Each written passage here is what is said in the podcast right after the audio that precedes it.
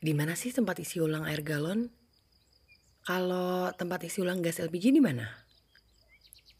Eh, tempat isi ulang bahan bakar? Pasti kalau ditanyain kayak gini, kita semua pada tahu jawabannya kan? Atau bahkan hafal tempatnya. Karena ya emang udah langganan. Tapi pernah nggak sih in our wildest, weirdest, most random imagination, suatu hari orang tanya sama kita, di mana ya tempat isi ulang oksigen? And it's a matter of life and death situation. Buat yang punya latar belakang medis, hmm, pernah ngerawat keluarga yang bedridden, atau bahkan pernah mengalami penyakit pernafasan, mungkin isi ulang oksigen bukan jadi sesuatu yang baru atau asing. Tapi buat aku dan beberapa orang lain yang bener-bener awam, kayaknya kita tuh sama sekali nggak pernah kepikir untuk mencari oksigen gitu. Apalagi sampai isi ulang tabung oksigen. The closest thing to an oxygen product is oxygen buat aku. Itu pun seumur hidup alhamdulillah baru beberapa kali pakai dan mostly karena iseng aja pengen tahu gimana sih rasanya oksigen murni itu. Kenapa tiba-tiba bahas oksigen? Because lately it has become a crucial commodity in the midst of our battle against COVID-19. Bukan cuma orang per orang yang struggling, bahkan rumah sakit pun benar-benar babak belur untuk bisa terus menyediakan tabung oksigen beserta isinya.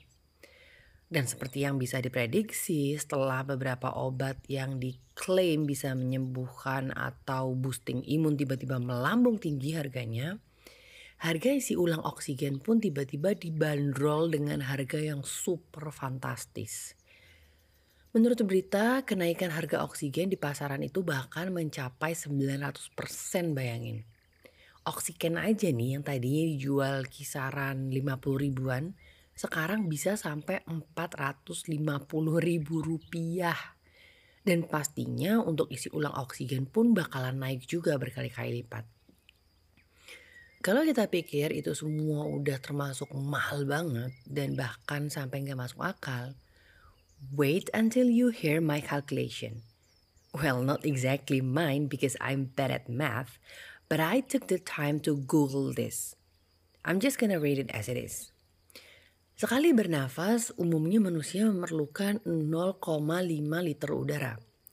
Bila per orang nih bernafas sekitar 20 kali setiap menitnya, berarti udara yang dibutuhkan tuh sebanyak 10 liter. Dalam sehari, setiap orang memerlukan 14.400 liter udara. Lalu, berapa nilai tersebut bila dirupiahkan coba? Sebagaimana diketahui, udara yang dihirup manusia terdiri dari beragam gas, uh, misalnya oksigen dan nitrogen. Keduanya berturut-turut 20% dan 79% mengisi udara yang ada di sekitar manusia. Jadi um, oksigen 20% dan 79%-nya nitrogen.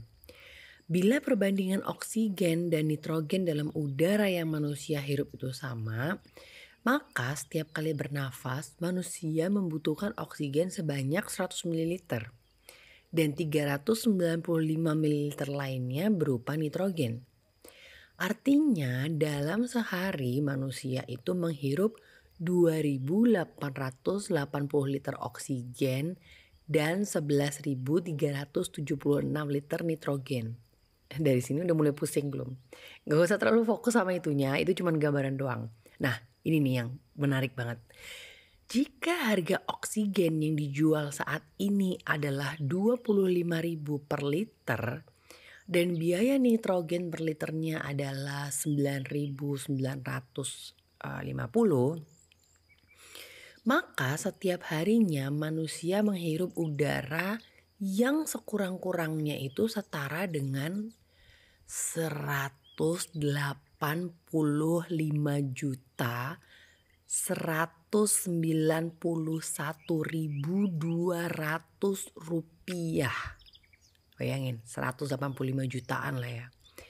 Dengan kata lain, Bila manusia diminta membayar sejumlah udara yang dihirup, Berarti setiap bulannya itu harus nyediain uang sebesar 5,5 miliar rupiah. Dalam setahun manusia dapat menghabiskan dana sekitar 67,5 miliar. Jadi gimana? Lebih mahal mana sih sekarang? Harga oksigennya udah naik berkali-kali lipat? Atau harga oksigen yang dengan harga standar tapi kita butuhkan untuk hidup sehari-hari? Di antara kita siapa sih coba yang punya penghasilan 185 juta per hari? Gak usah gitu deh. Siapa coba di antara kita yang setiap harinya bisa secara konstan nih atau secara konsisten gak pernah miss sedikit pun? Ngeluarin uang sekitar 185 juta.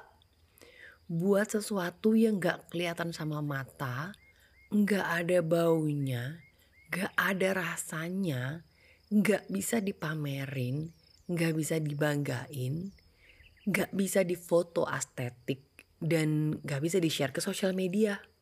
Mind blowing banget nggak? Itu semua bikin kita mikir nggak sih? Kalau Allah nggak berbaik hati memberikan kita oksigen untuk bernafas selama ini, mungkin kita nggak akan ada di sini saat ini. Uang dari mana sehari 185 juta coba? Ya oke, okay. mungkin ada yang bilang 100 orang terkaya di dunia tuh bisanya dapetin uang segitu per hari. Oke, tapi penghasilan mereka itu kan tergantung sama orang-orang yang menjadi konsumen produk mereka nih. Sedangkan most people in the world might not be able to earn 185 mil a day. Imagine betapa maha kaya dan maha pemurahnya Allah pada kita selama ini. Tapi kok kadang kita ngerasa sombong dengan apa yang kita miliki ya. Ngerasa nggak butuh Allah. Eh buat apa sih sholat? Orang nggak sholat aja udah bisa hidup enak. Ngerasa Allah tuh pilih kasih. Orang lain dikasih rezeki berlipat-lipat, lah kitanya kok seret.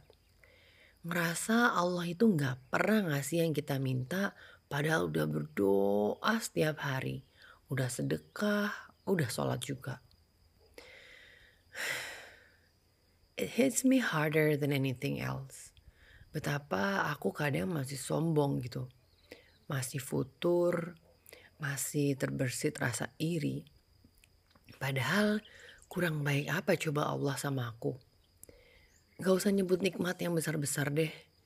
Selama aku tidur nih, hidung, tenggorokan, dan paru-paruku tuh masih bisa berfungsi dengan baik aja, itu udah nikmat yang luar biasa yang Allah kasih ke aku yang hina ini. Bahkan dalam doa, aku aja gak pernah minta untuk masih bisa bernafas gitu. Untuk masih bisa menghirup oksigen dengan gratis dan mudah. Tapi alhamdulillah masih terus dikasih sama Allah. Terus kenapa fokusku masih mudah teralihkan sama hal-hal yang belum Allah berikan? Well, what I'm trying to say is, I think we really need to take our time to look back and ponder on how many blessings Allah has given us. Terutama hal-hal yang kita nggak pernah secara spesifik minta. Tapi Allah tetap kasih juga gitu. Tujuannya buat apa? Ya, supaya kita tuh lebih banyak lagi bersyukur. Dulu sebelum pandemi kita pikir perjuangan seseorang mencari sesuap nasi untuk makan hari itu is something worth to complain about. But now it doesn't look as bad. Kalau nggak punya makanan untuk dimakan hari ini, mungkin bakalan masih banyak orang baik yang bisa bantu dengan sedekah sebungkus nasi yang bisa bikin perut kenyang. Ya walaupun lauknya cuma telur aja. Tapi sekarang banyak orang yang berjuang untuk mencari beberapa liter oksigen hanya untuk bertahan hidup. Dan gak semua orang bisa sedekah oksigen. Bahkan uang pun jadi gak berarti kalau emang stoknya udah kosong. Tanya lagi sama diri kita, buat apa sih kita hidup di dunia ini? Kenapa di saat orang lain kena COVID, kita masih dikasih sehat? Kenapa di saat orang lain susah cari rumah sakit, kita masih dikasih kemudahan untuk bisa dirawat di rumah sakit. Kenapa di saat orang lain gak bisa survive ngelawan corona, kita masih dikasih kemudahan untuk sembuh? Kenapa Allah memberikan ini semua pada kita? Apa tujuan hidup kita? Untuk yang masih sehat, kesehatan kita itu bukan hanya karena ikhtiar yang kita lakukan, tapi karena Allah mengizinkan kita untuk tetap sehat. Untuk yang bisa dengan mudahnya mendapatkan pertolongan medis, kemudahan itu bukan hanya karena banyaknya koneksi dan uang yang kita punya, tapi karena Allah mengizinkan kita untuk bisa mendapatkan perawatan yang baik. Untuk yang bisa kembali sembuh, kesembuhan itu bukan hanya karena patennya obat yang kita minum, tapi karena Allah mengizinkan kita untuk bisa memperbaiki diri lagi setelah sembuh. Dan di saat sekarang ini, di mana banyak orang yang kehilangan orang tercinta dalam sekelip mata, manfaatkanlah sisa waktu yang ada sebaik mungkin dengan orang tua, dengan pasangan hidup, dan dengan anak. Perbanyak stok sabar dan pengertiannya. Jangan sampai kita mengeluarkan kata-kata atau berbuat sesuatu yang kita sesali nantinya. Yang udah gak tinggal serumah sama orang tua, Sering-seringlah telepon beliau berdua untuk ngecek keadaan mereka. Let them know that they're loved by you.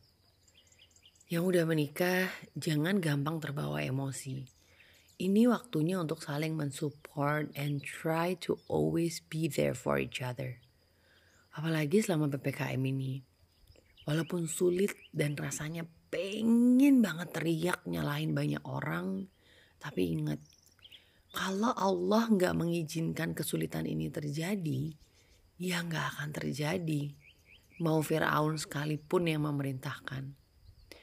Itu artinya segala kesulitan yang sedang kita hadapi bersama ini adalah atas seizin Allah. Dan pasti ada pelajaran berharga yang bisa kita ambil.